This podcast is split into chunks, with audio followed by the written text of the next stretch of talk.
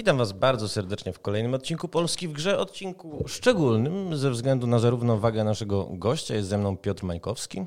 Witaj Mateuszu, witajcie drodzy widzowie. Ale też będzie, słuchacze de facto, ale też będzie to niesamowita okazja, żeby pomówić w ogóle o historii naszego medium i spróbować w jakiś sposób zebrać do kupy to, co się od kilkudziesięciu lat dzieje, co wcale nie jest proste w formacie podcastowym, ale jest chyba łatwiejsze w formacie książkowym. Piotr właśnie zapowiedział swoją nową książkę, a właściwie nie do końca nową, z tego co czytam w informacji prasowej, bo twórcy światów bazują na Twoich już wcześniejszych publikacjach. Tak, tak, tak.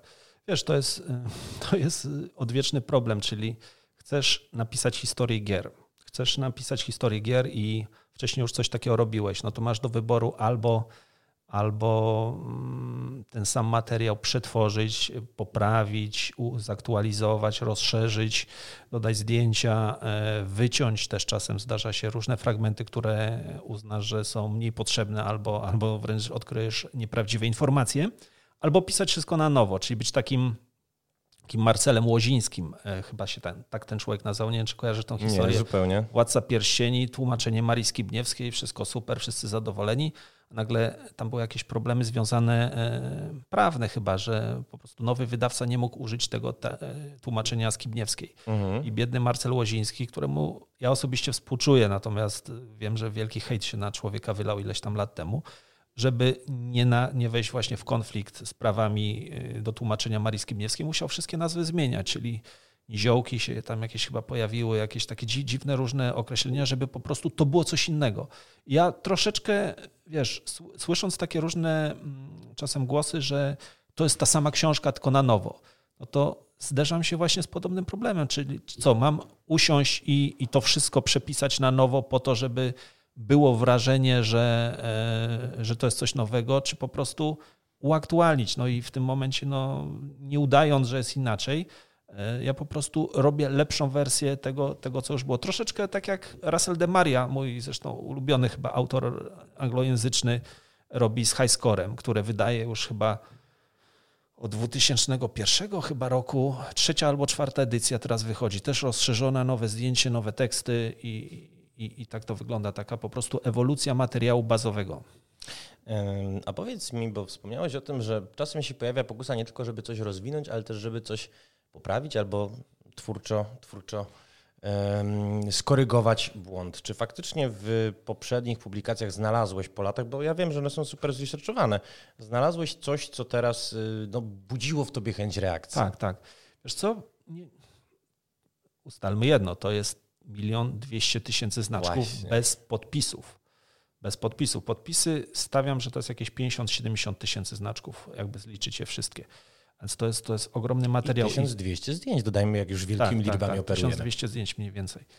E, czyli to daje jakieś dwa zdjęcia średnio na stronę, bo będzie około 600 stron w takim dużym formacie, bardzo bliskim do A4. Nie będzie się to rozpadać? Bo to wiesz, że szyte, szyte, szyte. Mam nadzieję, że nie, no to już ja za to nie odpowiadam, ale specjaliści myślę, że to ogarną. I wiesz co, i tam jest taka sytuacja, że e, ja często nie jestem w stanie w, w mózgu, w pamięci wszystkich nazw, wszystkich e, terminów e, spamiętać. Jest tak często, że ja się o jakiejś rzeczy nagle otwierając którąś stronę przypominam sobie, o kurczę, rzeczywiście pisałem o tym. I to, I to działa tak, że na przykład pisałem, że ktoś tam, e, nie pamiętam już o kogo chodziło, nie udziela wywiadów i w zasadzie jego dalsza historia jest nieznana. Ale ja to pisałem w 2016 roku. A w 2019 na przykład z tym człowiekiem zrobiłem wywiad, albo spotkałem go, albo przeczytałem. I taką rzecz muszę zmienić, bo w tym momencie to nie jest już aktualne, to nie jest stan wiedzy jakby na ten moment, mhm. tylko to już jest informacja sprzed iluś tam Y, lat, więc ta, takie rzeczy poprawiałem. Zdarzyło się też, że kilka akapitów wyrzuciłem, bo po prostu uznałem, że są niepotrzebne. Y, no i tak, tak, tak to działało, ale lwią część informacji dopisałem. Kiedy przystąpiłeś właściwie do pracy? Ale mówisz o tej nad, nowej ksi tak, książce? Nad twórcami światów. Nad twórcami światów. Myślę, że to był 2020 albo końcówka pierwszego, albo początek drugiego. Czyli to w praktyce mhm. wyglądało tak, że wieczorami sobie siadałem i cały ten materiał tekstowy sobie poprawiałem, dopisywałem. Ściągnąłem sobie mnóstwo nowych książek, bo po prostu chcę wiedzieć, co, co, co Stany głównie piszą na ten temat, więc taką biblioteczkę sobie całą wyprawiłem i wyłącznie z książkami. I słuchaj, czytałem sobie te nowe książki, robiłem sobie z nich notatki po prostu. I później na podstawie tych notatek stwierdzałem, czy to są informacje, które warto dołączyć, yy, albo nie. Plus jeszcze doszło to, że od półtora roku yy, wykładam na Warszawskiej Szkole, Filmo Warszawskiej Szkole Filmowej. Tak, o co też chciałem dopytać, bo właśnie. I to wiem... też ma, mhm. słuchaj, związek, bo ze studentami bardzo fajnie i twórczo można sobie podyskutować. I wiele rzeczy, które tam zawarłem, wiele myśli, często podpisy pod różnymi zdjęciami, to jest wynik dyskusji ze studentami. Oni mi uświadomili e, też wiele rzeczy. Oni często, zdarza się, że mnie poprawiają na, na, na, na zajęcia, bo ktoś na przykład do Google'a sobie ten sposób. Na przykład dyskutowaliśmy, słuchaj, o tym, dlaczego Mario ma czapeczkę. Dlaczego Mario ma czapeczkę? Dlaczego? Ja, ja, nie wiedziałem, moim zdaniem to był zwykły element, ale no. ktoś dogooglał i ja sprawdziłem, że rzeczywiście tak było, że Miyamoto to powiedział, dogooglał dlatego, że problemy były włosy Mario. To znaczy, gdyby on nie miał tej czapeczki, to tam był w Nintendo problem, że jak on biega, to te włosy powinny się ruszać, tak jak mhm. jego nóżki. A to był problem z zaanimowaniem tego. Więc mimo, że Mario Segale, czyli ten oryginał, który tam przychodził im do, do magazynu i, i mącił, nie miał takiej czapeczki, to oni tą czapeczkę wprowadzili ze względów programistycznych. I to któryś ze studentów mi dogooglał, że tak jest. I, I, że tak powiem, wydaje mi się, że tą informację też zawarłem teraz w tej nowej wersji. A studenci są w ogóle. No wybacz, bo muszę o to zapytać. Czy tacy właśnie bardzo młodzi ludzie, którzy nie pamiętają Atari, spectrumny i, i w ogóle tych czasów pionierskich, są nimi faktycznie zainteresowani, są je w stanie docenić? Przymierzasz się do wykładania być może. Nie, bynajmniej. Powiem ci, nie życzę tego studentom. Po, powiem ci zupełnie szczerze tak. Y, nikomu bym... E, może za, za daleko wybiegam. No dobra, o podstawówce nie będę się wypowiadał. Mam wgląd przez y, dziecko y, na to, co się dzieje w podstawówce. Jest to, wiesz mi, ujmijmy to tak, jest to piekielnie trudna praca. Naprawdę tytaniczna praca, żeby w podstawówce nauczyć dzieci czegokolwiek. Ze studentami jest łatwiej, ze studentami jest przyjemniej, bo studenci, zwłaszcza pierwszego roku, są, e, no, są głodni wiedzy i e, mam same pozytywne doświadczenia e, z tymi, z tymi studentami. Studenci trzeciego roku, bo też z nimi mam zajęcia, mam z pierwszym i trzecim rokiem, to już są studenci, powiedzmy sobie, e, mający swoje różne takie jak się długo skradasz, że odpowiedź musi być bardzo ciekawa. Oni tak mają różne swoje, powiedzmy, tajemnice. To znaczy, no, nie jest to taka super oczywista i prosta praca z nimi. Natomiast studenci pierwszego roku są to ludzie, którzy przyszli na uczelnię, są e, naprawdę bardzo chętni do rozmowy, bardzo chętni do e, odkrywania różnych rzeczy i, i co ciekawe, na przykład pytasz, czy oni, jakim opowiadam na przykład o opowiadam im na przykład o grze, e, załóżmy Maniac Mansion mojej ukochanej. Nagle jeden człowiek mówi, a panie profesorze, ale ja w, mieszkałem tam jako dziecko w, w, Wielkiej Brytanii i mój tata miał komputer Commodore 64. On tak troszeczkę mówi e, z taką lekką właśnie brytyjską naleciałością i mówi, ale mój tata właśnie zawsze grał w tego Maniac Mansion i ja teraz sobie przypominam, że to jest ta jego ukochana gra. A mówię, a ile tata ma lat? On mówi 46. On mówi, to mniej trochę ode mnie. E, mówi, już grał w Maniaka? On tak, on zawsze grał, to była jego ukochana gra. Więc wiesz, takie przy, przyjemne sytuacje. I on jest zaciekawiony, że tu przyszedł na zajęcia i na zajęciach człowiek mówi o grze, która była ukochaną grą jego ojca.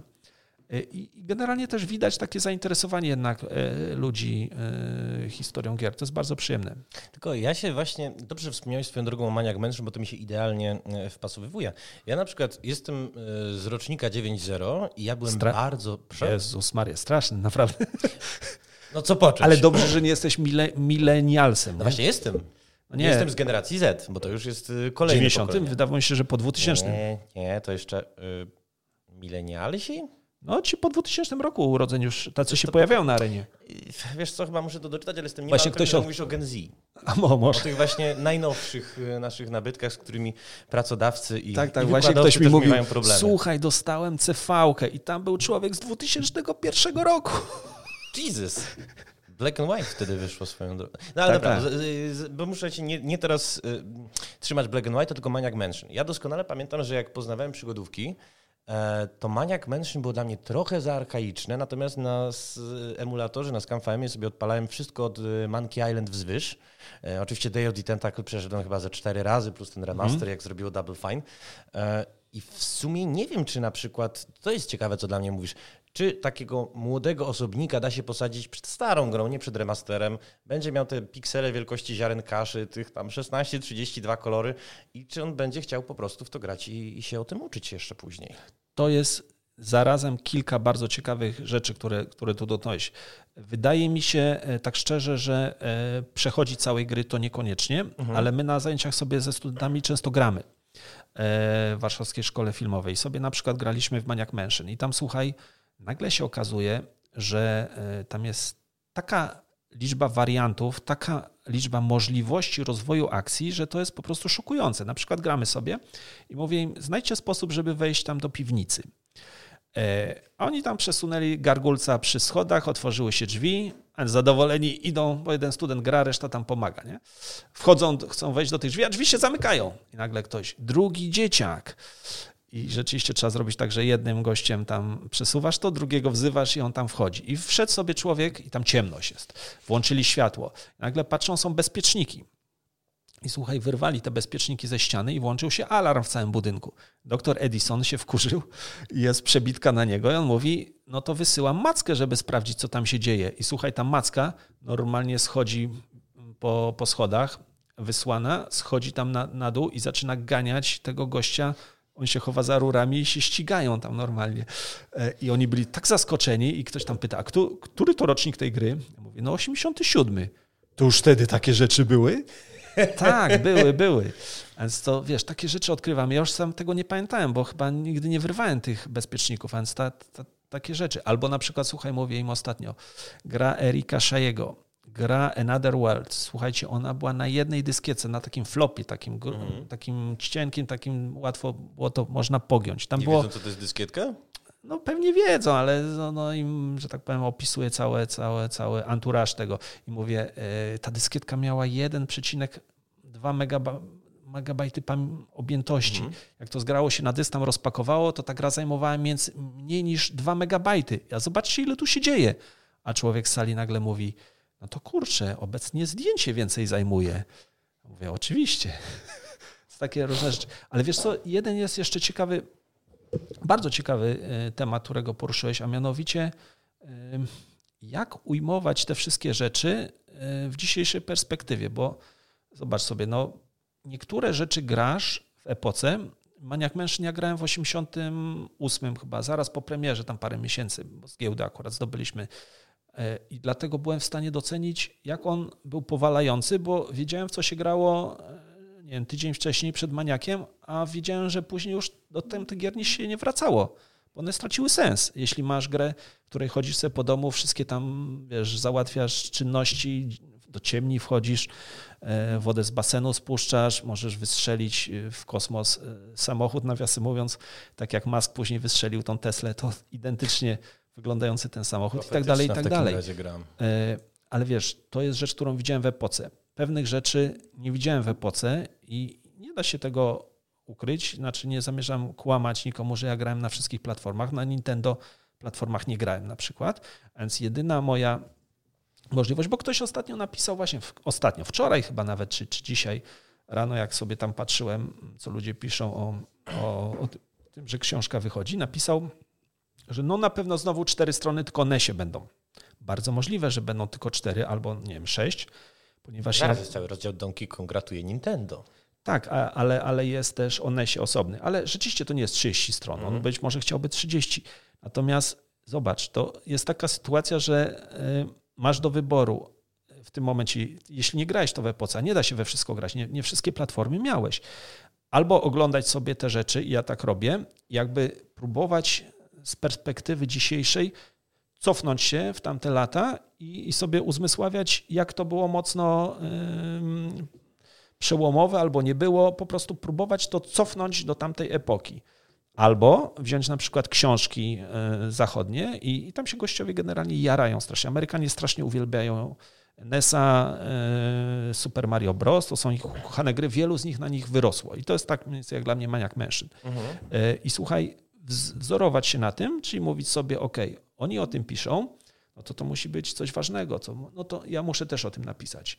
Ale takie podejście wydaje mi się nie jest do końca uczciwe. Uczciwe jest wzięcie tych wszystkich elementów, czyli tego mojego wrażenia po latach, które ja mam patrząc na te gry, próbując nawet grać, bo różne gry na NESie próbowałem grać. E, oczywiście nie kończyłem ich, bo, bo, wiadomo, właśnie to, co mówisz, te parę pikseli. Plus wziąć te opinie e, ludzi, przemyśleć e, sprawę i wziąć jakąś średnią z tego, z tych różnych elementów, ale nie da się jakby Mm, nie będąc tamtej epoce, nie grając w tamtym momencie, tak zupełnie uczciwie tego, te, tego, tego opisać. I e, to wydaje mi się, że, że, że to jest odpowiedź dla tych wszystkich, którzy mówią, mówią, że tam właśnie o, Micz był pececiarzem, automaciarzem, plus tam atarowcem i komodorowcem. Nigdy nie miał NESa. No nie miał oczywiście. E, I, I dlatego jakieś to ma przełożenie. I ta historia, i to tego nikt nie ukrywa, jest pisana subiektywnie. Jasne. No bo wolę coś takiego zrobić, niż e, zbierać jakieś fragmenty z innych książek i no, przepisywać, też przetwarzać i włączać do książki, bo tak mi się wydaje. Wiesz, to tak jak z recenzentem filmowym. Jak działałem przez prawie 10 lat jako recenzent filmowy, autor piszący różne rzeczy, to była często mm, taka, znaczy dla, dla naszej branży takim E, świętym gralem było Variety. I ktoś tam nam prenumerował to sobie. Jak przychodziła e, recenzja z Variety, to nie wiem, przychodzi Milczenie Owiec na przykład. To już wiadomo, że to jest super film. E, I trzeba dać mu maksymalną cenę, bo Variety tak, tak pisze teraz. Rotten Tomatoes mamy jakieś tam metakrytyki. Wy, wyrosły w ogóle przecież serwisy konkurencyjne. Ale wiesz co, chciałem ale dokończę jeszcze myśl, że, mhm, że, że, że, zobacz, że to jest takie y, po prostu bazowanie na tym, co powiedzą inni, czyli, czyli takie ostrożne, takie ciepłe dziennikarstwo, że nie zrobimy niczego, co by może, mogło być uznane za wywrotowe, za takie niehalo, nie, niepoprawne i tak dalej, tylko idziemy, idziemy z, głównie z prądem. I wyobrażam sobie napisanie książki o grach w taki sposób, tylko to nie byłaby moja historia, ale to byłyby jakieś ścinki po, posklejane z różnych, z różnych źródeł. Oczywiście pod książką podpisany jest Piotr Mańkowski, nie ogół e, osób doświadczających gier wideo. Pomówiliśmy troszeczkę, w sumie liznęliśmy ledwie tematu y, klasycznych przygodówek. Tu ta genealogia w ogóle gatunku wydaje mi się dość jasna. Wywodzimy to, nie wiem, od Mystery House, potem Sierra, która zaczęła w, no, pokazywać graficzne przygodówki. Y, faktycznie rewolucyjny był absolutnie Maniac Mansion, przedstawił ten interfejs. Hilnik Scam przecież też w ogóle sam skrótowiec, to jest w wolnym tłumaczeniu silnik napędzający Maniac Mansion. No i później poszło z górki. 90 mm, e, Monkey Island, 90 bodaj trzeci Sam Max Hit the Road, który ten interfejs zniwelował do jednego kursora i przez 10 lat mm, LucasArts rzeczywiście tworzył przepis na przygodówkę, który się opierał w dużej mierze na Ronie Gilbercie. E, on się też tak naprawdę bardzo wiele nie zmienił tak, na, w 2000, do 2023, ale wydaje mi się, że genealogia gier wideo jest trochę bardziej skomplikowana. Tymczasem jednym z haseł reklamowych twórców światów jest, że jest to jedyna pozycja opowiadająca o grach wideo od A do Z. Gdzie jest A według Piotra Mańkowskiego? A jeszcze tkwi w latach 40. E, i latach 60., czyli no za pierwszą grę, grę wideo w sumie większość autorów uważa Space Wara. To jest 62, w 61 zaczęli pisać, w 62, czyli w zasadzie to był moment i Wydaje mi się, że gdybyśmy w zeszłym roku tą książkę zdołali wydać, to można byłoby ją reklamować hasłem 60 e, lat e, gier wideo, bo, wow. bo akurat była rocznica pechowo w 63 nic takiego się nie, wy, nie wydarzyło. W 73 też pechowo, bo zobacz, Pong wyszedł w 72 w listopadzie, więc też jak w zeszłym roku byś wydawał książkę, to pół wieku od Ponga równo. Więc piękna rocznica. Więc to, to, są, to są, wiesz, to są ślady, te, te najbardziej pierwotne. Co ciekawe, twórca Space Wara żyje do dzisiaj. E, to jest, to jest Steve Russell. E, o mały włos, słuchaj go, nie spotkałem. To była niesamowita historia, bo przybyłem do muzeum e, w Mountain View, tego największego muzeum komputerowego. Byłeś tam krążąc po Dolinie Krzemowej? Byłem, byłem. Ach. Jest to doświadczenie, jak to mawiają Anglosasi, once in a lifetime. Hmm, czyli zawitałeś tam do tej jest, instytucji Google'a. E, jest to absolutnie e, imponujące i unieśmielające. Właśnie dlatego ja, e, Piotr, Ale mam... nie było tłoku, nie? Nie. No właśnie, to, to samo miałem. Hmm. Czy nie wiem, jakim wiesz, no to są też przykłady anegdotyczne, może się cieszy większym powodzeniem, ale zmierzam do tego, że tak naprawdę pomimo tego, że masz tych 1200 zdjęć, milion dwieście tysięcy słów, to jest naprawdę trudna materia do opisania jeszcze takiego holistycznego. E, I szapoba, że się tego próbujesz, hmm. próbujesz podjąć, ale mówisz, że możemy tam datować 40, e, tam 63, przepraszam. Zastanawia mnie, jak wiele nasze medium czerpało z medium wcześniejszego, czyli z gier analogowych. Całkiem ładnie, o tym, znaczy całkiem ładnie, pięknie o tym pisze Marcin Borkowski w nowym wydaniu polskiego Game Devu. No właśnie pokazując, jak to różne, nawet zabawy jakieś tam, nie wiem, planszówki klasyczne przeradzały się później w całe gatunki. Bardzo fajny temat. Jeszcze dokończę tą myśl tylko o tym, o tym muzeum. I wiesz, i tam, e, pamiętam, przyjechałem do tego muzeum i tam taki sympatyczny gość yy, ciemnoskóry na recepcji. On chyba nawet podejrzewam, że do dzisiaj pracuje, bo on zawsze, byłem tam trzy razy, mhm. zawsze go spotyka i on mnie poznawał, słuchaj. On mnie poznawał. Yy, może faktycznie niewiele osób tam odwiedza. A nie, ale to bardzo dobrze dla zwiedzających, bo tam jest po prostu atmosfera niesamowita. Po prostu czujesz tam powiew tej, tej, tej, przecież tam liczydła jakieś jeszcze są z któregoś tam XV czy XVI wieku. Ta, ta historia rozpoczyna się od takich analogowych zupełnie Prehistorii rzeczy. De facto. Prehistorii. I wiesz co, i w tym muzeum jest komputer PDP-1, e, ten, ten, na którym Space Wara napisano. On jest przy samym wejściu i on jest, uwaga, czynny. To znaczy, to nie jest taka maszyna jak większość tam ten ENIAC, czy tam inne stojące po prostu sobie jako eksponaty, tylko on jest podłączony normalnie do prądu. E, I, i są tam sesje, gdzie, gdzie oni uruchamiają tego Space Wara ja jak tam przyjechałem, to ten gość z recepcji od razu tam się zakolegował. Tak, no i tam mówi, słuchaj, a ty to, to jesteś z tej branży? Ja mówię, nie, no to na GDC przyjechałem, tak wpadłem to tylko. On mówi, a wiesz co, bo tu za trzy godziny przyjedzie taki gość, on się nazywa Steve Russell. I mówi, y, i ten Steve Russell będzie grał na w Space War, to jest taka gra pierwsza w ogóle, która powstała. Mówi, wiem. Mówię, i będzie grał na tym komputerze? On mówi, tak, on tu przyjedzie i tu będzie grał tam o 15 czy coś. żeście się nie widzieli. No bo wiesz co, była 12, a ja jechałem do San Jose, żeby, uwaga, spotkać Michaela J. Foxa i tego drugiego doktorka. E, Christopher Lyot. Jak? Christopher Lyot. Tak, tak, tak, tak, tak, tak, tak. Oni... Ty, przy jakiej okazji? No bo był tam Steve Wozniak robił, słuchaj, to się nazywało Silicon Valley e, Comic Con, czy coś takiego. I tam było spotkanie z ekipą powrotu do przyszłości. I, I, wiedziałem, że tu muszę trzy godziny przeczekać. Mhm. Co byś zrobił? Trzy godziny przeczekać, siedząc w miejscu, bo ja już to wszystko mhm. obejrzałem, nie? Siedząc na peronie albo gdzieś tam, nie wiem, na ławce i czekać, czy Steve Russell przyjedzie i, i nie dojechać do Michaela J. Foxa. Wiesz, no, to był jeden z najtrudniejszych. Tragiczny. Tragiczne. Stwierdziłem, kurde, nie dam rady, no muszę tam jechać, nie? Zwłaszcza, że chciałem cały konwent zobaczyć, więc niestety nie spotkałem Steve'a Russella. A to, co mówisz a propos, e, a propos, ale ta historia właśnie, kończąc tą myśl, jest taka tam jeszcze żywa. To jest mhm. coś, co, coś wspaniałego. I w ogóle wiesz, to ktoś powiedział, to jest Ameryka. Idziesz sobie, przyjeżdżasz do jakiegoś Mountain View, tam wiesz, połowa budynków to jest Google, jakieś tam dobra knajpa pakistańska, tam jest, pamiętam, jedliśmy jakieś pyszne mięsko takie z warzywami w knajpie pakistańskiej, ale całe miasto to jest Google praktycznie. E, I nagle tam jest jeden budyneczek, mało oblegany na szczęście, ale płaci za to Google, nikt na tym nie traci pieniędzy, z największymi zbiorami komputerów na świecie i sobie samotnie tak chodzisz tam pomiędzy tymi, taka atmosfera, cisza, żadna muzyczka ci tam nie gra z brzegów, klimatyzacja, piękne punktowe oświetlenie i sobie oglądasz e, i tam jeszcze dajmy naszym słuchaczom końcówka tego muzeum to jest e, w dużej mierze historia gier, bo tam te wszystkie automaty, jakieś tam Nexty e, Jobsa, czy, czy te konsole z lat 70., to tam wszystko jest. Tam można sobie liznąć też bardzo dużo historii gier.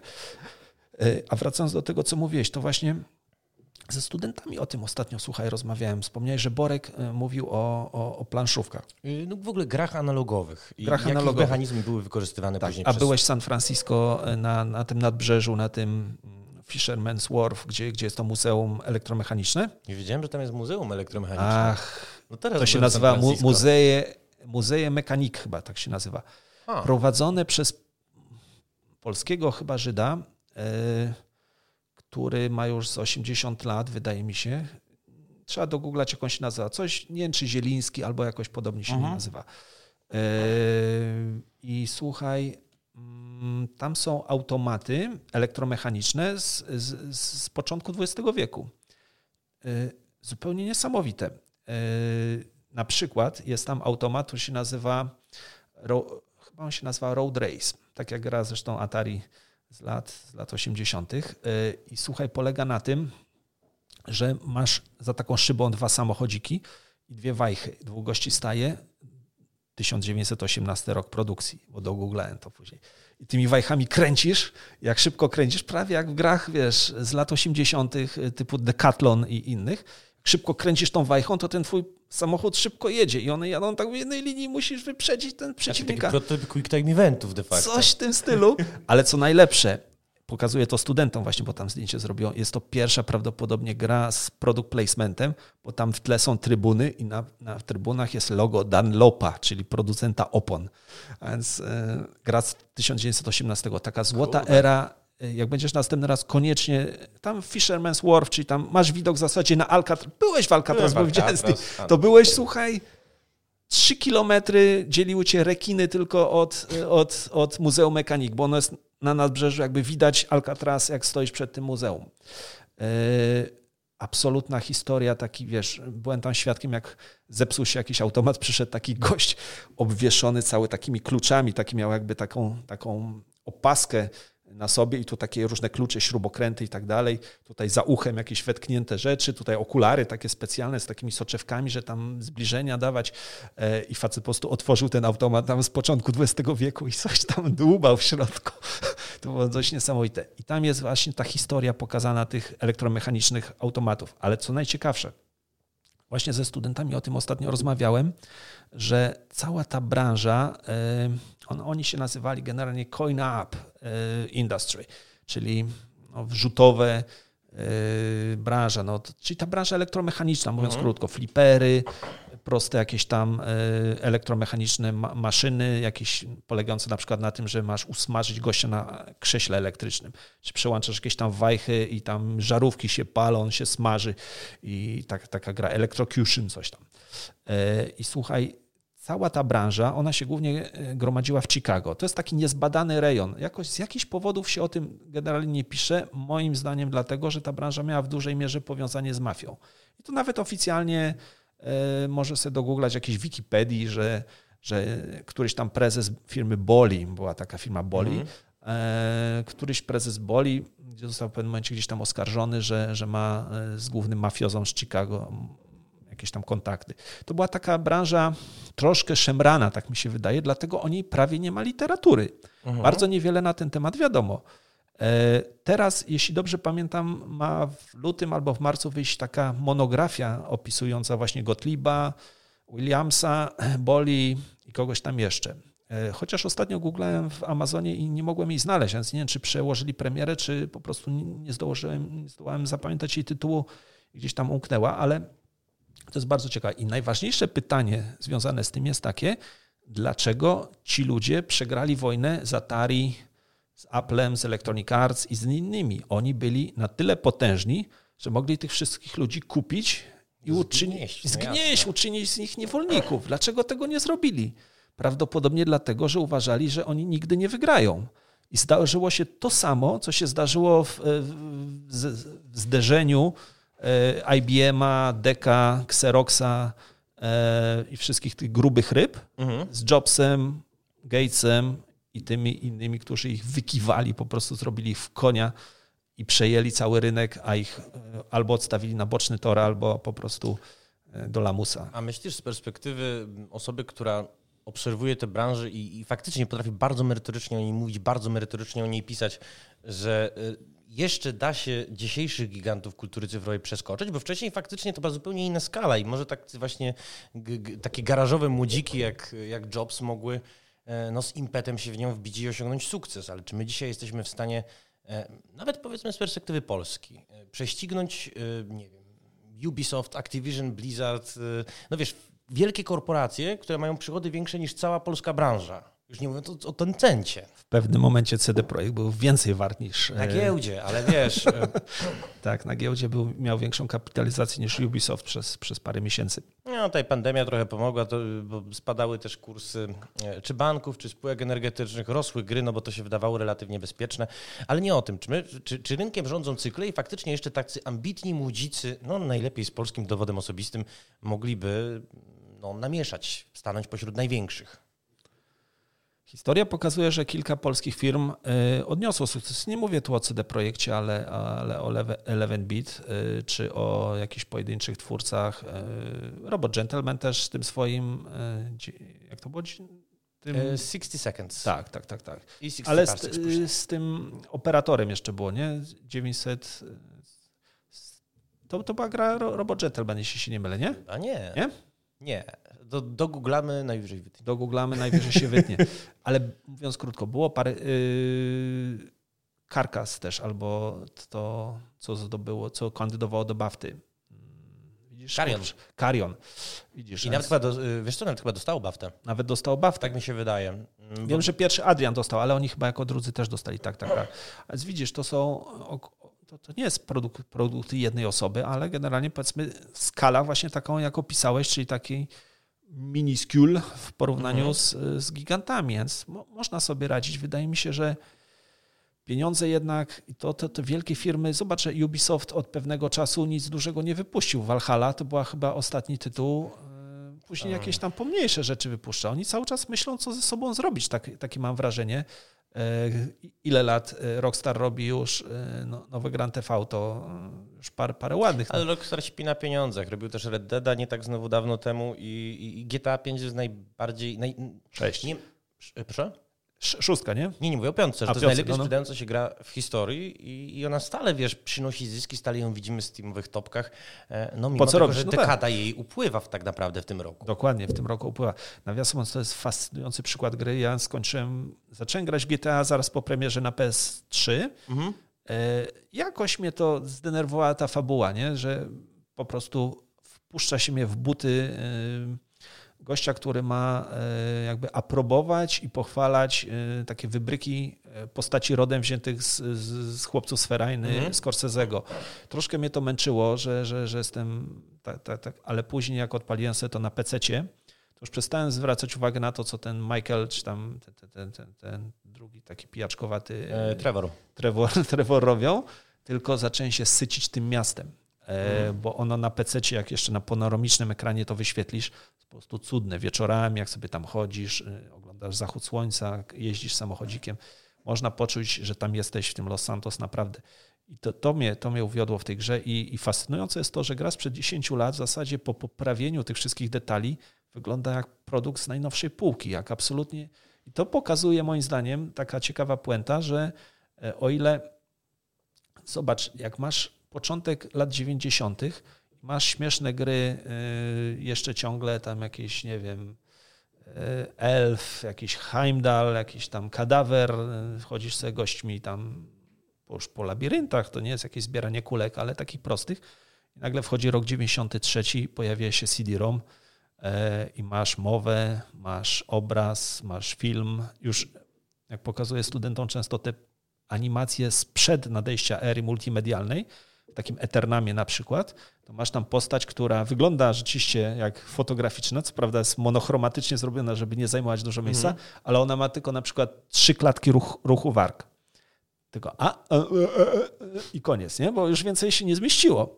A, a tu nagle mija, słuchaj, jeden rok i można pełno krwisty firm wrzucić. E, I już nie ma takiej e, twórczej e, potrzeby kompresowania tego wszystkiego, żeby się zmieściło na małej ilości dysków, żeby to nie kosztowało. No bo jak zrobisz grę, nawiasem mówiąc, Under Killing Moon miał, miał być na 40 dyskach, tak planował yy, Access. Mhm. Szczęśliwie dla niego weszła płyta CD i dało się to zmieścić na innej płycie. Yy, nagle wiesz, w ciągu jednego roku czy dwóch yy, sufit zostaje ci zabrany za głowę i możesz robić dowolne gry. A tu masz 10 lat, gdzie w zasadzie gra trochę tam poprawiona, tam tekstury zmienione, ale to jest ta sama gra, ta sama fabuła, tam nic nie zmieniono w fabule.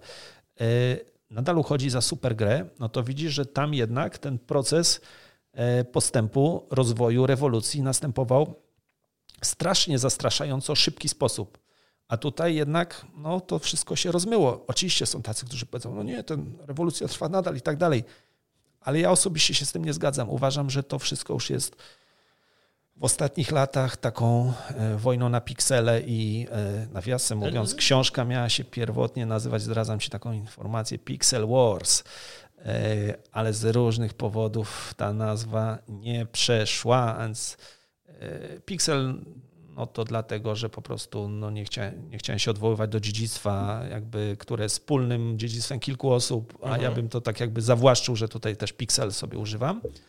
A Wars, no to nam się kojarzyło, że no jest, trwa wojna na Ukrainie i używanie haseł Wars y, w, stosunku, no to tak, dość niepoważnym, Nie- metaforycznym o w ten no, sposób. tak, to, to było takie, mogłoby zgrzyt jakiś wywołać, więc ta nazwa odpadła, natomiast to rzeczywiście. Natomiast ta masz, czekaj, czekaj, wejdę ci zło, bo nie masz, mówisz, że to się e, zaczyna robić wojna na piksele, tymczasem mnie się wydaje, że zupełnie tak nie jest. To znaczy Mhm. jasne, że te gry AAA-owe, czy już się wprowadza czwartą literkę A, no to rzadko wymyślają koło na nowo. Tak naprawdę open, w open worldach aż do Zeldy, przecież Breath of the Wild, wszystkie wyglądały dość podobnie. Sam mówisz, że GTA 10 lat później, piątka, no to dalej jest top of the tops, jak mawiają anglosasi.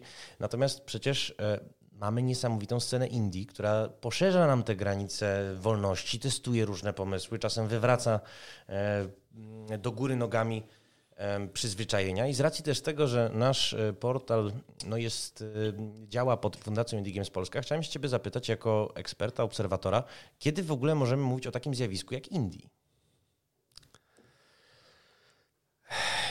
to jest pole do dyskusji, bo ja, ja nie chcę powiedzieć, że nie ma ciekawych gier, ale w skali takiej ogólnej mam takie wrażenie, że yy, takiej gry, która by mi dała po oczach, tak to jestem w stanie sobie z ostatniego dziesięciolecia przypomnieć Talosa Talos Principle. Mhm. To było coś takiego, co mnie po prostu ujęło. A jak sobie o tym myślę, to, to tam nie było takich super nowoczesnych pomysłów, ale, ale może to, że tam pokazano Boga i to pokazano na takiej zasadzie właśnie odkrywania kolejnych puzli Mhm. po, po kolei. A odpowiadając na Twoje pytanie, to kiedy mo, może mówić o grach, o grach indie?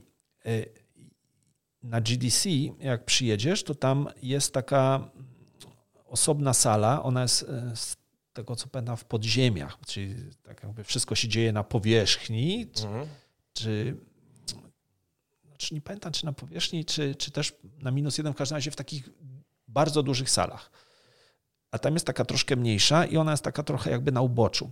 I tam są właśnie tacy twórcy awangardowi, ale tacy twórcy taki auteurs, tacy wiesz, zupełnie awangardowi. Nie, nie, nie tak ci, co, co na przykład wymienialiśmy, czy, czy tam, nie wiem, jakiś e, Karion, czy, czy, czy coś takiego, tylko tacy zupełnie z awangardy. I słuchaj, tam na przykład masz twórców, którzy, mm, którzy na przykład trumnę zainstalowali, ona jest jakoś podłączona do komputera i masz grę polegającą na tam, nie wiem, chowaniu zmarłego.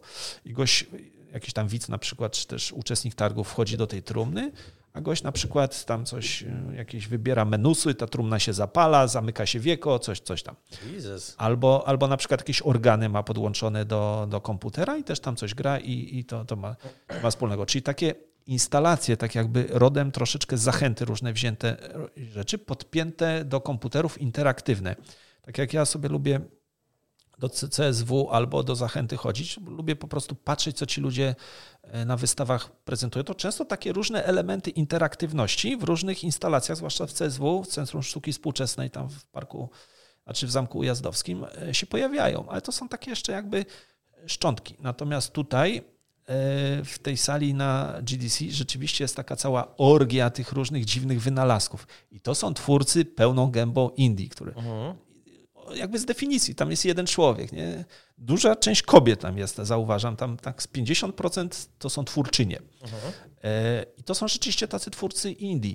Natomiast e, jeśli mówisz o takiej większej skali, wychodząc oczywiście poza tą e, trochę taką egzotyczną część Tak, G- się na tym indie obiegowym, bo ja wiem, że to jest w ogóle bardzo problematyczny termin, zważywszy na fakt, że nie wiem, Microsoft ma program ID Xbox, do którego zaprasza indyki, ale no wszyscy instynktownie rozumiemy, że chodzi o gry bez budżetu AAA-ów, często Tak, ale wiesz wydawane... co, tak na Mhm. bieżąco, bo to jest najfajniejsze właśnie, że w dyskusji na bieżąco różne pomysły się rodzą. To tak wydaje mi się intuicyjnie, że najbardziej em, bliskie temu jest taka, s- temu pojęciu jest taka sytuacja, że nie masz nad sobą e, żadnego gościa z marketingu, żadnego gościa z promocji, który ci mówi, o, tego nie zrobisz, bo to się nie sprzeda. To, to, to w ogóle zapomnij o tym, bo to poruszy kogoś tam, jakąś tam na przykład mniejszość, albo to się nie spodoba Japiszonom, bo, bo to odebrane będzie jako kpina z nich i nikt tej gry nie kupi.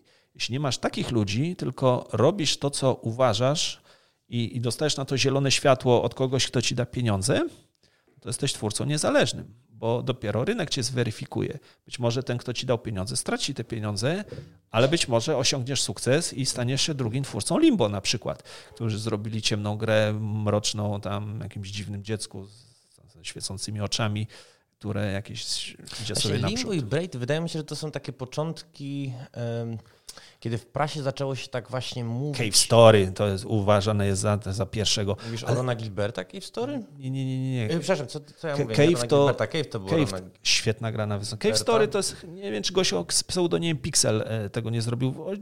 2000 czwarty czy piąty, coś takiego. Tak, to jest ta, ta data mniej więcej. Tak, tak, powstanie, tak, tak, tak. Braid chyba chwilkę później. Braida to zrobił, słuchaj, Jonathan Blow, dobrze mówię? Tak, ten od The Witness później. Tak, do, The Witness. To jest śmieszna sytuacja z Jonathan Blowem, bo pojechałem kiedyś do, do Berlina, zresztą poznałem sporo twórców niezależnych właśnie takich, którzy się mienili. Jest jeden człowiek, słuchaj, od nas, nie, on nie jest od nas, z Austrii.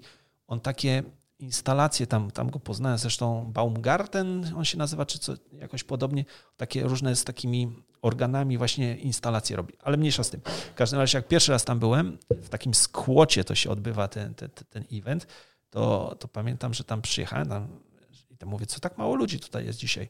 Oni mówią, bo wszyscy poszli na spotkanie z Jonathanem Blowem. I tam, tam, kilometr dalej od tego skłotu jakaś hala była, czy sala i tam podobno wszyscy ci twórcy niezależni wyemigrowali z tego skłotu po to, że tam o 14 było spotkanie z Jonathanem Blowem, a oni, wiesz, przyjechali do tego Berlina jak po taką mm, naukę, żeby zobaczyć, podpatrzeć, jak zostać twórcą niezależnym i skoro Jonathan Blow tam miał wykład, to wszyscy na niego poszli, bo uważali go za papieża tego nowego ruchu. A twórcy niezależni tak naprawdę istnieli przez całe lata 80., przez słynni Bedroom Coders, e, którzy to nie są tylko takie legendy, takie wiesz, smaczki wymyślone, że, że, że, że chciałem powiedzieć facet, no chłopaczek, no nie wiem, 17-letni, e, programował sobie w sypialni, w sypialni rodziców albo gdzieś tam wie, wieczorami siedział, robił grę, e, zgrywał ją na kasetę i wysyłał w kopercie ofoliowanej y, do, do jakiegoś wydawnictwa, do takiego Ocean Software na przykład, albo do, do Psygnosis, nie? Y, I, I po prostu mierzył się z tą rzeczywistością w taki sposób. Być może jeden na dziesięć został, zostawał przy, przyjęty do pracy i jego gra była wydawana, więc tak naprawdę twórcy niezależni byli już w latach 80., to nie jest żaden wymysł lat e, później, późniejszych, tylko że później rzeczywiście zdominowały to wszystko studia i po tym 2005, o którym mówiliśmy, to się zaczęło na nowo odradzać. Dlaczego? Dlatego, że okazało się, że narzędzia programistyczne tak poszły naprzód, że taki pojedynczy człowiek, jeśli dobrze w cudzysłowie obczai to mhm. wszystko, jest w stanie zrobić samodzielnie taką grę, jaką robiono powiedzmy technicznie wyglądającą wizualnie 15 lat wcześniej, nie? Czyli tak to powiedzmy... Silniki się zaczęły demokratyzować, bo zobacz, że Unity czy, czy Unreal to kiedyś przecież kosztowało ich użycie, e, teraz można bezpłatnie na nich Oczywiście. pracować, dopiero później, później zapłacić, no plus stają się coraz bardziej przystępne. Tak naprawdę, e, wiesz, nie trzeba już wielkiej, znaczy aż takiej wiedzy szczegółowej, a nawet jeżeli trzeba, no to przecież możemy mhm. odpalić sobie tutorial na YouTube. powiem, ci, powiem ci lepszą rzecz. E, nie sądzę, że to było odebrane jako reklama, ale y, mój syn gra w różne gry, nie? I mhm. y, o wielu z nich wolałbym nie wiedzieć, znaczy po prostu wolałbym, żeby nie grał. Y, I jedną z taką tytułów, które mi się gdzieś tam przewijały przed oczami, to był Roblox. Że jest Roblox, grają w Robloxa, mój kurde, musicie grać tego Robloxa, grają w Robloxa. Fortnite na szczęście nie gra, ale gra w Robloxa, grał w Minecrafta oczywiście, grał w Brawl Stars. Brawl Stars mi się wyjątkowo nie podobało. Ale dopiero niedawno zrozumiałem, jak genialną grą jest ten Roblox. Roblox, e, nie wiem, czy masz w ogóle tego świadomość. Jasne, czytałem dużo o Robloxie, bo właśnie to była gra, e, no. której trochę nie przewidziały, media nie pisały o niej, ona nagle jakoś tak organicznie wzrosła, wiesz, zupełnie... Bo ona istnieje, słuchaj, 2014 chyba, ona już z 10 lat prawie istnieje. E, ale co najlepsze, Roblox to nie jest gra, która, no nie wiem, tak jak Minecraft, po prostu, nie wiem, wchodzisz w ten świat i tam mhm. kopiesz, nie? I zdobywasz emeraldy tam i tak dalej. Tylko to jest gra, w której ludzie robią gry za pomocą prostych narzędzi. 11-letni gościu zrobił swoją pierwszą grę ostatnio. E, I, i w tej grze chodzisz sobie po mieście, on sobie dobudował domy, McDonald'sa postawił, żabkę postawił, pocztę postawił, można samochody zmieniać, możesz być policjantem, możesz być strażakiem, możesz być y, jakimś zwiedzającym, który maluchem jeździ, e, możesz latać helikopterem, możesz robić 150 różnych rzeczy. On sobie dobudowuje cały czas różne rzeczy do tego miasta. Dobudował sobie scenerię zimową, gdzie masz normalnie góry, tam możesz na nartach jeździć i tak dalej. I bada, ilu gości wchodzi do jego świata. I często zdarza się, że sześciu gości na przykład gra naraz w tym jego świecie. I on jest z tego strasznie dumny. No tak. Zrobił swoją pierwszą grę. Oczywiście nie można jej wyeksportować poza Roblox. To jest pewien problem, e, ale teoretycznie, jeśli by tam zaczęło przybywać po tysiąc e, graczy dziennie i konto byłoby przerejestrowane na mnie jako osobę pełnoletnią mogącą e, zbierać pieniądze, to byśmy zaczęli zarabiać. Prawie jak na YouTubie. Więc to jest, wiesz, takie coś, co, co tak naprawdę młodym ludziom pozwala poczuć właśnie ten smak twórczości niezależnej, bo siąście do Unity, na przykład rozmawiałem ostatnio ze studentem i mówię, był pan w tym liceum, e, też wcześniejszym, bo Warszawska Szkoła Filmowa nie tylko studia ma, ale też, gier również. Mhm. Tak, ale też, też liceum. On mówi, tak, byłem i mówię, no, co kończyło te, te, to liceum? On mówi, musiałem zrobić e, grę na, na Unity. Czyli człowiek w wieku 19 lat już robi grę na Unity. 11-latkowi nie daliby jeszcze rady, więc oni robią w Robloxie, ale widzisz, ta twórczość na różnych poziomach się rozgrywa i to jest świetne. I to, że on, czyli mój syn odkrył, że może robić gry na Robloxie i to go bardziej jara niż strzelanie do gości w Fortnite. Chociaż ostatnio ktoś mi tłumaczył, że Fortnite to jest tak naprawdę budowanie, to tam strzelanie, to tam poboczne, tam się buduje, tworzy. Okej, okay.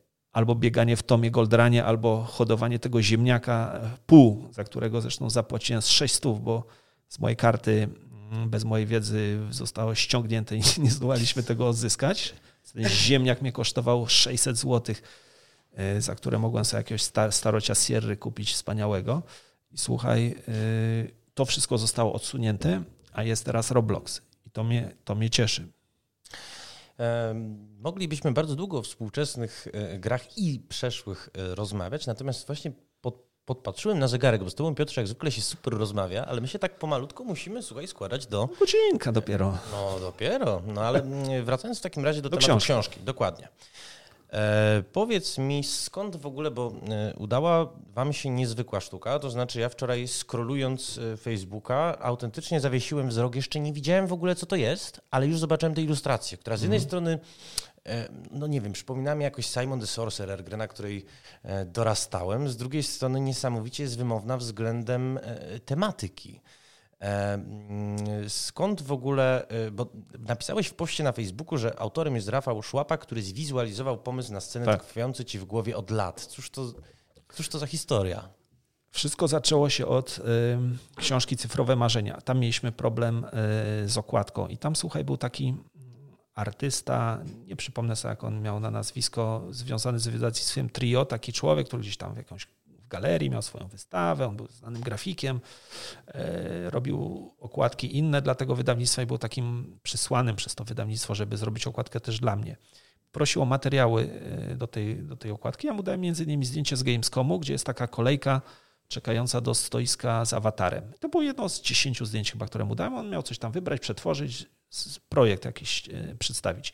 I zrobił projekt, czyli, czyli to zdjęcie, gdzie oni stoją do awatara, a gra awatar to jest żaden żaden hit, prawda? To była gra zupełnie, zupełnie przeciętna. I odwrócił jakoś kolory w tej, w tej okładce, czyli taki zrobił jakby negatyw, e, taki obrzydliwy, taki czarno-żółto, jakiś tam pomarańczowy, taki, taki po prostu brzydko to strasznie mhm. wyglądało i po prostu to zdjęcie jakby zostawił i dał tytuł Cyfrowe Marzenia. Więc pytam, co to ma być? A człowiek mi tłumaczy, proszę pana, no to jest właśnie to, o czym pan pisze. To jest szary tłum graczy, stojących w kolejce po swoje marzenia. Hmm. Mówię, panie, ale to przecież nie można tych ludzi obrażać. Przecież ta okładka jest obrzydliwa wizualnie, jeszcze dodatkowo kpi sobie z moich czytelników. Targetu, no właśnie, z targetu, no, obraża. w kolano. Tak nie mogą wyglądać okładki. Okładka musi przyciągać wzrok, musi, e, że tak powiem, opisywać zjawisko, ale nie dosłownie. Czyli na szybko zrobiona okładka cyfrowych marzeń, gdzie mamy tam Maria, e, Larę i Wiedźmina, to była robiona w zasadzie błyskawicznie, że mhm. tylko tamtą prostu do kosza wyrzucić i, i żeby coś było fajnego, ale tam nie było pomysłu, prawda? Tam były same postacie. A tutaj od pewnego czasu, e, jak sobie próbowałem wyobrazić, co, jak streścić gry wideo, to gry wideo najbardziej mi się kojarzyło z czymś takim, że po co w ogóle gramy? To jest właśnie osobną dyskusję z Tobą temat. Po co gramy w gry wideo? W gry wideo gramy dlatego, żeby znaleźć się gdzie, gdzieś indziej na moment, odejść od tej rzeczywistości smutnej, naszej często smutnej, czas, czasem wesołej, ale żeby przeskoczyć do innego świata i być kimś innym. E, czyli próbować odszukać siebie w tej innej rzeczywistości. I, i właśnie taki wymyśliłem pomysł, że jest gość, który gra, jakby w ekranie widzi samego siebie, tylko w troszkę innym anturażu, troszkę innym otoczeniu. I to był właśnie pomysł, pomysł na okładkę i Rafał jakby dostał taką informację, mu się to spodobało. I te wszystkie motywy, czyli tam ten krasnolud, który troszkę przypomina Maria i ta Lara przebrana za Wiedźmina z tyłu, tam ząb Sierry w tle, jakiś pterodaktyl z Another World sobie frunący, to są wszystko jego pomysły. Ten gra elektro, elektrobady, wersja amerykańska sobie tam leży i tak dalej. I, I założenie było takie, że ta okładka musi być miła dla oka. Ona nie może być smutna, ona nie może być przeładowana e, motywami też, bo przy pełnym szacunku i, i sympatii do, do śledzia, mhm. okładki, które on robił dla Marcina Kosmana, były moim zdaniem, to jest moja zupełnie prywatna opinia, przeładowane postaciami. Zresztą tak, tak jak firmy, plakaty filmów amerykańskich, to często tam porównywaliśmy y, na przykład, że jak masz Gwiezdne Wojny, y, Gwiezdne Wojny na przykład w wersji amerykańskiej to masz wszystkie te postacie, tam Luke z mieczem świetnym, Goryl, plus, plus, plus tam inne, inne, inne, inne postacie, a w wersji na przykład polskiej... Polskie plakatu to bardzo symboliczne jakieś grafiki raczej... Tak, słyn, słynny Jakub Erol namarował e, Fripio sam i, i podpis Gwiezdne Wojny. I to ta, ta, taki, taki plakat. To, to jest ta różnica właśnie jakby... O ciekawej kwestii wspomniałeś i nie chciałbym, żeby mi to uciekło. Hmm? Marcin Kosman prowadzi od paru lat wydawnictwo Open Beta, coraz to kolejne pozycje się w nim tak. ukazują. Nie myślałeś, żeby mimo wszystko skumać się z nim? I pytam o to również dlatego, że grupa Międzynarodowe Targi Poznańskie, super profesjonaliści, jeżeli chodzi o organizowanie eventów, ale ja na przykład nie wiem, czy oni mają jakieś doświadczenie wydawnicze. E, powiem ci tak. E, no z Koso muszę jeszcze porozmawiać, czy może kiedyś jakiś projekt wspólnie, wspólnie zrobimy. Natomiast. Ale nie ma kosy e, między tobą a kosem. Nie, nie, nie, nie. Ja słuchaj. Przez, przez parę lat, że tak powiem, nie dogadywaliśmy się z Marcinem, mhm. natomiast e, to się zmieniło po pandemii. E, nie wiem, czy mogę o tym mówić za bardzo, ale no mówiąc krótko, spotkaliśmy się w sprawie jednego jego tajnego projektu, który, na którym pracuję już od chyba dwóch lat i taki długi wywiad, że tak powiem, zrobiliśmy mhm. Blue City. I nie no, po prostu MTP mm, dało mi takie warunki, e, no, że, że jestem bardzo zadowolony jak na razie z tej współpracy. Jak to będzie wydane, to, ma, to zobaczymy już bardzo niedługo. Myślę, że, że, że to będzie fajnie zrobione, ale bardzo to nie jest tak, że oni.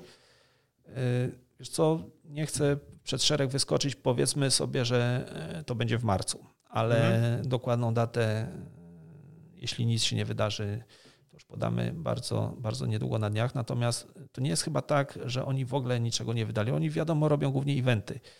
Jakieś tam katalogi z tych BGA czy GITA, jasne. Ale, ale wiesz co, ale to mhm. jest tak, że często to, to jest tak, że ludzie chcą troszeczkę rozszerzyć e, swoją działalność po to, żeby mieć takie swoje e, rzeczy, którymi się mogą gdzieś tam pochwalić, że oni zrobili coś tam.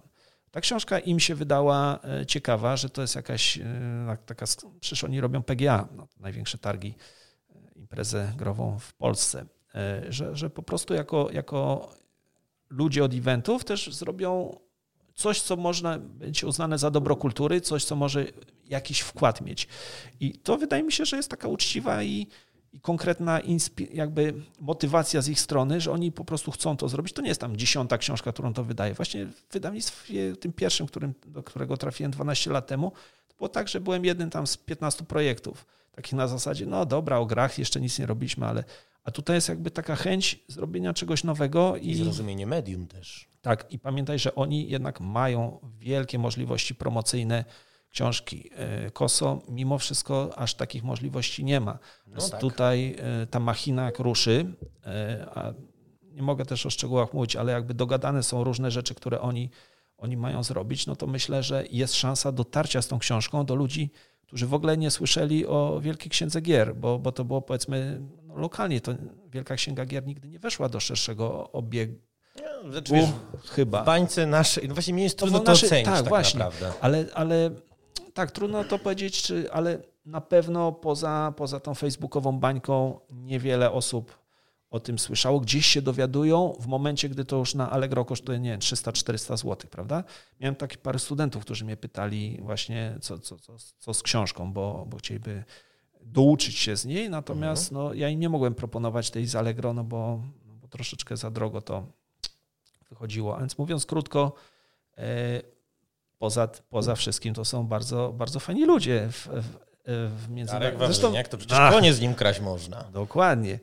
Pseudo, pseudonim Bubr e, plus, plus Duke Luke, e, super gość, który ostatnio powiedział Byku, tam tęsknię za tobą, czy tam kiedy się zobaczymy. To, wiesz, to są kumple, to są fajni ludzie i, i przyjemnie się z nimi pracuje i, i, i, wiem też, że, że noża w plecy mi nie wbiją, no więc myślę, że, że będzie dobrze czego sobie i Tobie życzymy. Na koniec y, chciałem, no to jest taka dość może niezręczna prośba, natomiast y, jesteśmy w rzeczywistości, w jakiej jesteśmy. Pixel y, po 8 latach? Tak. 8 lat. Kawał naprawdę czasu. Nikt wam tak naprawdę tyle nie dawał, e, jak początkowo żeście Trzy numery. Trzy, no tak, trzy numery. Natomiast udało się... Bo, przez... bo przy czwartym zobaczą wyniki sprzedaży pierwszego chyba, bo tam człowiek to szacował, że trzy miesiące idą wyniki, mm. zobaczą wyniki sprzedaży pierwszego. E, ale udało się rzeczywiście stworzyć periodyk, który jednoczył naszą, naszą społeczność, który rzeczywiście był e, czymś niezwykłym, unikatowym w skali nie tylko Polski, ale w ogóle, e, mogę chyba powiedzieć, e, Europy całej. E, powiedz mi, bo wiem, że nie chcesz mówić o szczegółach tego, co się wydarzyło i rozumiem Cię. Natomiast gdybyś e, mógł jakiś, jakąś odezwę do czytelników, czytelniczek Pixla, Pixela um, skierować z racji tego, że no wszyscy jesteśmy trochę nieutuleni w żalu po tym wydarzeniu. Znaczy Pixel się skończył w grudniu. To zapowiedziane zostało przez, przez wydawcę zamknięcie magazynu, zakończenie e, działalności. Numer ostatni wydaliśmy w e, Zresztą styczniu. razem z polskim GameDevem.pl, drugim tak, wydaniem. Tak, tak, tak, tak. No i co można powiedzieć? No i tak naprawdę żadne umowy nas nie łączą w tym momencie. Każdy poszedł swoją stronę. Ludzie, bo wiesz, to jest tak, że większość ludzi, którzy pracowali przy Pixelu, mają swoje zajęcia i to nie było tajemnicą i w zasadzie to pozwalało żyć Pixelowi, no bo utrzymanie się z napisania dwóch tekstów miesięcznie nie jest możliwe. Ludzie mieli swoje normalne e, zajęcia. Ktoś był wykładowcą akademickim, Paweł Schreiber na przykład, e, ktoś pracował w wydawnictwie, ktoś pracował w, e, w jakiejś firmie informatycznej i tak dalej, i tak dalej. Wiesz, każdy miał swoje zajęcia, tylko ja byłem tym, który nie miał swojego zajęcia. To było moje jedyne zajęcie. Więc w momencie, gdy się skończył, znaczy od pewnego momentu też szkoła stała się drugim zajęciem, natomiast no, to jest zupełnie jakby inna Brocha, inna para kaloszy. Tak, inna para kaloszy. Natomiast no, to było moje główne zajęcie. w momencie, gdy, gdy Pixel się skończył, no to mówiąc tak kolokwialnie, ja się na nic oczywiście nie skarżę. Natomiast no, zostałem bez pracy, no, czyli no, musiałem sobie poszukać, co, co ja chcę dalej robić. A ponieważ akurat szczęśliwie złożyło się tak, że poznałem właśnie chłopaków e, z, z, z MTP, no to, to udało się następny projekt e, przyklepać i tak sobie pomyślałem, że to jest właśnie to, co, co chyba chciałbym robić przez następne miesiące czy lata, czyli, czyli no bo był, zdradzając takie pomysł, żeby, żeby wydawać nowe pismo. E, może nawet gdzieś tam jest jeszcze taki pomysł, żeby, żeby coś takiego robić, ale wiesz co, to właśnie jako odezwa do czytelników Pixela to nie będzie zbyt pomyślne, czy też nastrajające optymistycznie, ale wielu osobom, także mi zaczęło się wydawa wydawać, że jednak e, po tylu latach, no bo 8 lat to poza PSX Extreme i CD Action to chyba żadne pismo tyle nie, Secret, Ser Secret Service istniało dokładnie 8 lat, tak. 96 numerów. Myślę, że komputer świat i Play się mogły zbliżyć do tej granicy. Komputer świat gry? Tak. On dość długo był wydawany. Klik na pewno też, chociaż on był po reaktywacji Po reaktywacji, tak, tak, tak. Jeszcze trochę ładnych Kiedyś latek. może byłem przy narodzinach kliku, e, to też ciekawa sytuacja była. E, Ale kończąc tą myśl, e, wydaje mi się, że mm, jeśli masz iść do kiosku i płacić e, 30 zł za magazyn, to jest naprawdę dużo i to trzeba się zastanowić, czy to w ogóle ma sens w takiej formie, czy nie trzeba poszukać dla naszych czytelników, dla naszych no, ludzi, którzy kupowali pismo, którzy chcą czytać o nowych grach, jakichś innych form dostarczania im treści, mm, ale, ale już nie takich, żeby musieli no, takie wyrzeczenia po- ponosić, bo to jednak, mówię to sam po sobie, ja w pewnym momencie przestałem, e, przestałem kupować retro gamera. To był dla mnie sygnał, że no, Ty też się jako odbiorca wiesz, zmieniasz. tak jak Edward Miszczak u, udziela wywiadu i mówi, że on nie ogląda telewizji, że to, to tylko jakiś serial ogląda tam, tam, tam wspomniał, w Interi był taki wywiad. Nie ogląda telewizji, bo nie ma czasu, poza tym to nie jest dla niego, to jest dla starszych ludzi. E, I ja jak powiem ci retro gamera przestałem kupować, a przestałem go kupować, bo po prostu miałem chyba 160 czy 170 numerów, wszystkie od, od jednego.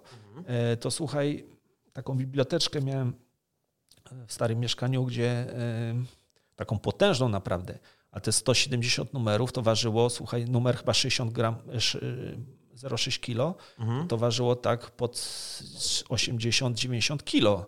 Co to mi tak całą tą biblioteczkę obciążyło, że ona taka wygięta była, nie? E, I stwierdziłem, kurde, już kończy mi się miejsce tutaj, bo tu już ścianka była. Musiałbym jakieś kombinacje robić. Ja chyba już nie chcę tego więcej, więcej trzymać. I to był dla mnie taki sygnał, że kurczę, coś, coś, coś się dzieje. Wiesz, banał oczywiście, że prasa umiera, no prasa umiera. Może się odrodzi jeszcze tak jak radio nie umarło, radia słuchasz sobie w samochodzie cały czas, ale wydaje mi się, że też my po tych ośmiu latach jako redaktorzy Pixela musimy odpocząć od takiej formy do, dotychczasowej e, produkowania tekstu właśnie do, do magazynu i poszukać sobie czegoś, czegoś nowego. Każdy jest wolnym człowiekiem, każdy może sobie e, własny projekt e, realizować i wiesz co, i jeszcze jedna jest rzecz, bo były pomysły, czy na przykład dwumiesięcznik można zrobić, czy kwartalnik można zrobić. CD Action jest teraz, jak wiesz, kwartalnikiem, ale to z punktu widzenia dziennikarskiego, zresztą pracowałeś w CD Actionie też jak był miesięcznikiem, więc wiesz dobrze, jak ten proces wygląda, to wiesz, że jeśli robisz co miesiąc to samo, to jesteś w tych szynach już, e, w tych trybach A jak wypada? a jak wypadasz, to później jest strasznie trudno wrócić. wrócić. I to dla kogoś, kto tego nie robił, to się wydaje, no o czym oni gadają. Ale prawda jest taka, że jak skończysz numer i wiesz, że następny będzie za trzy miesiące, czy masz tu wolne, możesz coś Mhm. innego robić, to później ta myśl, że musisz znowu usiąść do tego i to robić, to jest strasznie ciężko się. Dlatego miesięczniki są takie, powiedziałbym, czyste pod względem twórczym, że, że da się po prostu fajnie to wszystko produkować. A, a czy kwartalnik ma sens, to mam tu, tu duże, duże wątpliwości. E, Piotr e, wspomniał w rozmowie, że jego półki się uginały pod e, retro gamerem. Ja mam nadzieję, że w marcu nasze półki będą się uginać pod twórcami światów. Podpowiem, że jest to tutaj znów cytat z prasówki, wersja najnowsza, rozszerzona, turbo doładowana. No i oczywiście będziemy do niej, o niej pisać na polskim GameDevie, będziemy do tematu wracać. Bardzo Ci dziękuję za dzisiejszą rozmowę. Dziękuję Ci również. Przypomnę, że naszym gościem był Piotr Mańkowski.